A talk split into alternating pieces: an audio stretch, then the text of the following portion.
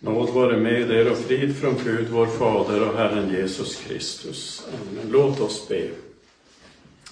Käre Jesus Kristus, hos dig ser vi den fullkomliga, rena kärleken.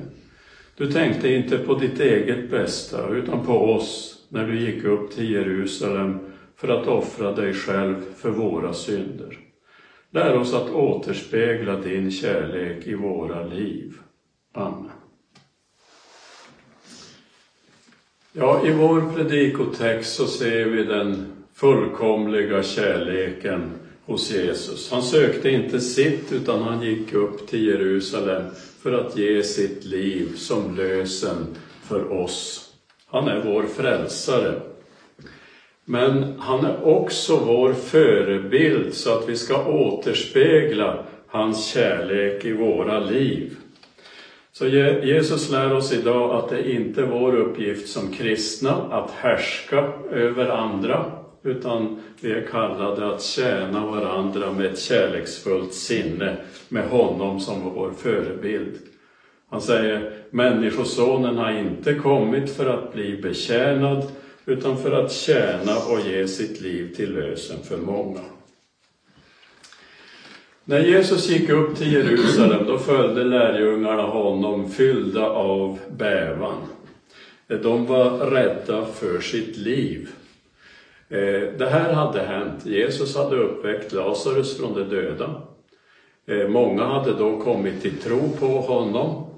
När översteprästerna och fariseerna såg det så sammankallade de rådsförsamlingen och tog beslut om att döda Jesus. Och därför drog sig Jesus undan till en liten stad i närheten av öknen som hette Efraim och där, eh, där var han kvar ett tag med sina lärjungar. Men nu närmar sig påsken och översteprästerna och fariséerna de, de förväntade sig att Jesus skulle komma till påskhögtiden så att de letade efter honom i Jerusalem. Och så hade de också tagit det beslutet att den som visste var Jesus var skulle säga det så att de kunde gripa honom. Så det var ju inte underligt att lärjungarna var fyllda av bävan när de gick tillsammans med Jesus upp till Jerusalem. De var helt enkelt livrädda. De trodde inte att någon av dem skulle komma levande från påskhögtiden. Jesus kallade dem till sig och så började han än en gång tala till dem och förklara vad som väntade i Jerusalem. Se, vi går upp till Jerusalem och Människosonen kommer att överlämnas till översteprästerna och de skriftlärda som ska döma honom till döden och utlämna honom åt hedningarna. Dessa ska håna honom, spotta på honom och gissla och döda honom. Men efter tre dagar ska han uppstå. Och i de orden och hör vi ju också Jesu rena fullkomliga kärlek, den kärlek som inte söker sitt. Utan frivilligt gick han upp till Jerusalem fast han visste vad som väntade. Han gick dit för att lida och dö i vårt ställe. Att Jesus blev gripen och dömd och dödad berodde inte på att fienderna nu hade besegrat honom. Nej, det var hans kärlek till oss som drev honom att överlämna sig i deras händer för att lida och dö det som var förutsagt, straffet för våra synder. Jesus förutsade för lärjungarna vad som skulle hända för att de inte skulle bli förskräckta när det började rulla igång som Jesus hade förutsagt utan att de då skulle se det som hans kärleksbevis. Jesus hade inte på något sätt tappat kontrollen. Ingen tog hans liv därför att de blev honom övermäktiga, utan han gav sitt liv. Han hade makt att ge sitt liv. Han hade också makt att ta det tillbaka. Och allt det här, det var hans kärleksbevis. Johannes han skriver sen Därav att han gav sitt liv för oss, så har vi lärt känna kärleken. Den här predikan som, som han håller, eh, att han måste lida och dö, det injagar ju förskräckelse i oss, eller borde egentligen göra det eh, om vi begrep eller förstod vad, till fullo vad det innebar. För Jesu lidande och död vittnar om Guds vrede över vår synd. Han tog våra synder på sig och Gud skonade inte ens sin ende älskade son. Så när han tog vår skuld på sig, då fick han också det straff som vi förtjänat. Men så länge Kristi lidande och död förskräcker oss så är det ju inte evangeliets tröstefulla predikan utan då är det fortfarande lagens predikan. Och Jesus han förutsade ju inte sitt lidande och död för sina förskräckta lärjungar som var fyllda av bävan, ja de var livrädda. Han sa det ju inte för att de skulle bli ännu mer förskräckta. Nej, han talade till dem om vad som skulle hända för att de i hans lidande skulle se hans stora kärlek. Och så är det också med oss när vi betraktar Kristi lidande. Man kan säga att det finns två sidor av myntet. Vi kan gråta över våra synder. Vi kan förskräckas över Guds vrede. Han ser inte mellan fingrarna på synden, utan han kräver att synden sonas. Men samtidigt kan vi glädja oss över att Jesus älskade oss så högt att han villigt, han drog sig inte undan, utan han gick upp till Jerusalem för att fullborda allt det som var förutsagt om honom. Det som Johannes döparen förkunnade direkt som han trädde fram i sin offentliga verksamhet. Se Guds lam, Guds rena och oskyldiga offerlamm som tar bort världens synd. Så Jesus förutsade vad som skulle hända för att lärjungarna inte skulle tro att hans lidande och död, det var fiendernas seger. De skulle inte tänka att Jesus blev besegrad därför att han var för svag. Jesus förutsade precis vad som skulle hända för att visa att han hela tiden har full kontroll över hela skeendet. Så ingenting sker annat än det som han har förutsett och som han vet och som han vill. Och Jesus han förutsade ju inte bara sin död utan också sin uppståndelse på tredje dagen. Hans död på korset och hans uppståndelse på tredje dagen, det är en mäktig seger. Så för oss gick han upp till Jerusalem för att lida och dö i vårt ställe och på tredje dagen uppstod han för att föra oss fram till uppståndelse och liv.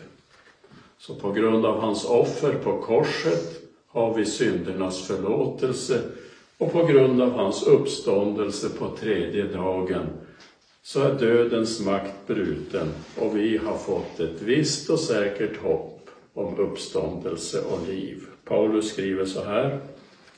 Kristus har uppstått från de döda som förstlingen av de insomnade Ty eftersom döden kom genom en människa så kom också de dödas uppståndelse genom en människa. Så förstlingen av de insomnade, eh, det innebär att han är den förste och så sen kommer den stora skörden så många fler. Eh, och det är vi alla som tror på honom det syftar på. En dag ska vi gå ut ur våra gravar. Det är han som har öppnat vägen för oss. Jesus förutsade sitt, nu, nu var, var han kulmen av allt det som var förutsagt om vår frälsning ända från tidernas begynnelse. Jesus förutsade sitt lidande och sin död och sin uppståndelse, att han skulle fullborda allt och han gjorde det med klara och tydliga ord. Och ändå så tog inte lärjungarna det till sig. Utan vi förstår av fortsättningen att de var upptagna av andra tankar. Så när Jesus förklarar att han gick till Jerusalem för att tjäna oss och offra sig för oss, då tänkte lärjungarna på egen ära, framgång och makt. Så, och det är ju också det märkliga med människan, hur, hur, hur man kan eh, härbärgera så motsatta tankar och, och föreställningar så att man dels är så fylld av bävan att man tror inte att man ens ska, ska eh, överleva högtiden och samtidigt gå med tankar om egen framgång och makt. Jesus visar att han främst månar om oss och älskar oss med en kärlek som offrar allt. För ingen har större kärlek än han ger sitt liv för sina vänner. Men lärjungarna de månade om sig själva och de försökte tillskansa sig de bästa platserna, de främsta platserna i härligheten på andras bekostnad. Att deras kallelse var att tjäna, inte att härska. Det var liksom att det gick dem förbi just nu i alla fall. Och lärjungarna är ju bra representanter för oss när vi ser dem här eh, i det här sammanhanget. För vi agerar många gånger i eget intresse och tänker främst på oss själva, även om det sker på andras bekostnad. Vad ville de? Ja, Johannes och Jakob de ville att Jesus skulle ge dem de främsta platserna i sitt härliga rike. Och de ville ha på det sättet företräde framför de andra. Förutom att egoism och högmod och stolthet är svåra synder så visar ju också det här att eh, de hade en bristande förståelse av vad Kristus har kommit för att fullborda och vad hans rike är. De föreställde sig antagligen att Jesus skulle upprätta riket åt Israel igen, så som de sen frågade också efter hans uppståndelse. Är nu tiden inne för dig att upprätta riket eh, åt Israel? Kanske de tänkte att det, det, hans heliga rike skulle vara ungefär som kung Davids rike när, när Israel var en stor makt. Och nu ville Jakob och Johannes att de skulle få de, de främsta platserna i den kommande regeringen. Men de andra tio var ju inte mycket bättre utan de blev ju förargade när de hörde att de begärde någonting sånt. För de ville ju heller inte stå tillbaka för någon utan de ville ju också vara bland de främsta. Så man kan säga att det nu bröt ut en politisk maktkamp bland lärjungarna. Så fort kan det växla. När Jesus tillrättavisar Jakob och Johannes, då visar han än en gång eh, prov på den här rena, fullkomliga kärleken. Så trots deras synd som lyser igenom, eh, synd och svaghet, lyser, oförstånd, lyser igenom, ni förstår inte vad ni ber om. Eh, det lyser igenom i deras begäran så vänder han ju inte ryggen till dem, utan han tilltalar dem mycket vänligt. Ni vet inte vad ni ber om. Kan ni dricka den bägare som jag dricker eller döpas med det dop som jag kommer att döpas med? Ja, det kan vi, svarade de, utan att förstå vad de då tog på sig. För kalken, den där bägaren och, och, och dopet, det syftar ju på det lidande och död som Jesus nu gick upp till Jerusalem för att lida. Men när, när de svarade att eh, vi kan det, vi kan dricka den bägaren, vi kan döpas med det dopet, då bekräftar Jesus, visst, det ska ni få. Så det är inte framgång, anseende och makt här i världen som väntar Jesu lärjungar. Och så blev det också. Jakob han blev ju den första bland lärjungarna som led martyrdöden. Och Johannes, han presenterar sig så här eh, sen på sin ålderdom och då var han eh, landsförvisad till ön Patmos eh, för Guds ords och sitt vittnesbörd eh, skuld. skull. Och då eh, presenterar han sig så här. Jag, Johannes, er broder, som i Jesus delar lidandet med er. Så då hade han fått en annan insikt. Vad som väntade lärjungarna, det var ju inte härlighet och makt, utan lidande för Kristi skull. Och det är lika för oss. Och det här är ju någonting som förnuftet inte kan förstå. För det är så lätt att tänka så här att, ja men nu, nu är det ju faktiskt lugnt i livet. Allt går ju bra. Och då, det, det måste ju vara det att Gud är nådig mot oss. Men går det oss emot, då tänker vi att Gud är vred. Nu har jag gjort något fel. Det är förnuftet tänker på det sättet. Så när allt går bra så är Gud nådig. När allt går en emot eller man drabbas av svår sjukdom, då är det väl ett bevis på Guds vrede. Men det är alldeles felaktiga slutsatser. I Guds rike är det ofta precis tvärtom. Jesus, han är Guds, Faderns älskade son. Han är den som i vilken Fadern har sin glädje. Hur gick det för honom? Ja, han gick upp till Jerusalem för att lida och dö. Och Jesus, som älskat oss så högt att han gett sitt liv för oss, han har bara kärleksfulla syften när han lägger på oss det kristna korset. Så därför ska vi ju inte bli förskräckta om vi drabbas av lidande, utan vi vet att vi delar lidandet med Jesus och med alla Guds barn. Det är ju inte allt lidande som är lidande för Kristi skull, utan ibland så skadar vi oss själva genom vårt eget oförstånd och vår egen dårskap. Och må Gud bevara oss för vårt eget oförstånd. Men det är ju inte självförvållat lidande vi talar om, utan lidanden som vi inte rår över. Lidande för Kristi skull. Och de lidandena, de hör faktiskt till vår identitet. Det hör till vår existens som Guds barn. För Paulus skriver så här. Är vi barn så är vi också arvingar, Guds arvingar och Kristi medarvingar, lika visst som vi lider med honom för att också bli förhärligade med honom. Så det kommer en dag för det också, att bli förhärligade med honom, men inte på den här sidan graven.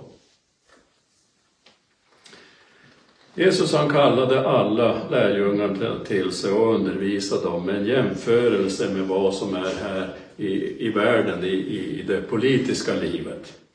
Ni vet att de som anses vara folkens ledare uppträder som herrar över dem och folkens stormän härskar över dem.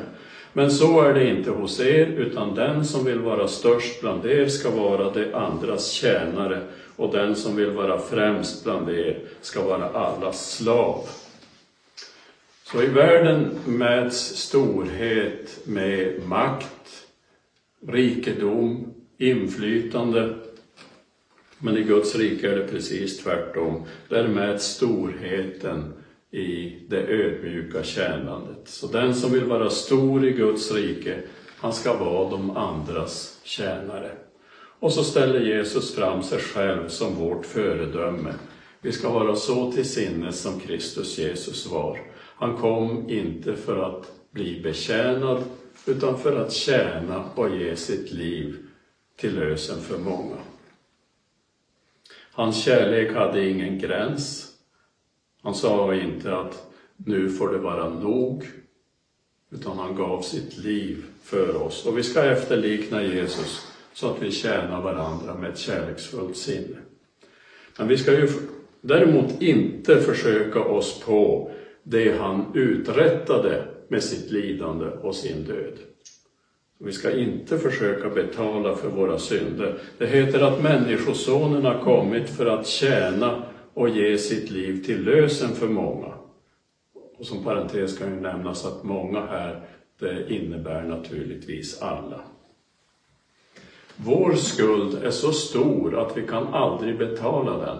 Vi kan inte betala den med våra gärningar, vi kan inte betala den med några uppoffringar. Och det är ju heller inte vår uppgift att betala för synd och skuld. Utan Kristus har med sitt liv och sin död köpt oss fria från syndens straff. Och så ska vi ge Gud äran. Vi ska ge Kristus äran. Så att vi håller honom som vår frälsare och inte tror att det är våra gärningar som ska vara vår frälsare. Vi ska ge honom äran. Han och ingen annan är vår frälsare. Och tron på honom det är också drivkraften till ett nytt liv. Så evangeliet ger oss en ny glädje och motivation och kraft så att vi tjänar Herren, han som så högt älskat oss att han gett sitt liv för oss. All kristen förmaning till goda gärningar utgår från evangeliet som har gjort oss fria. Paulus skriver så här.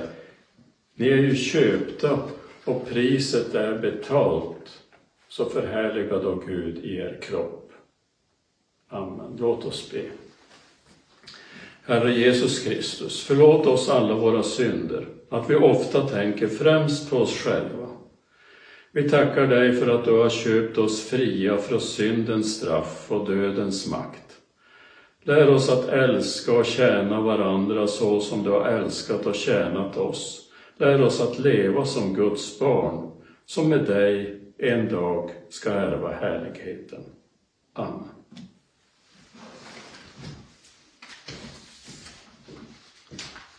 Då ska vi tillsammans bekänna vår heliga kristna tro med den eh, apostoliska trosbekännelsen.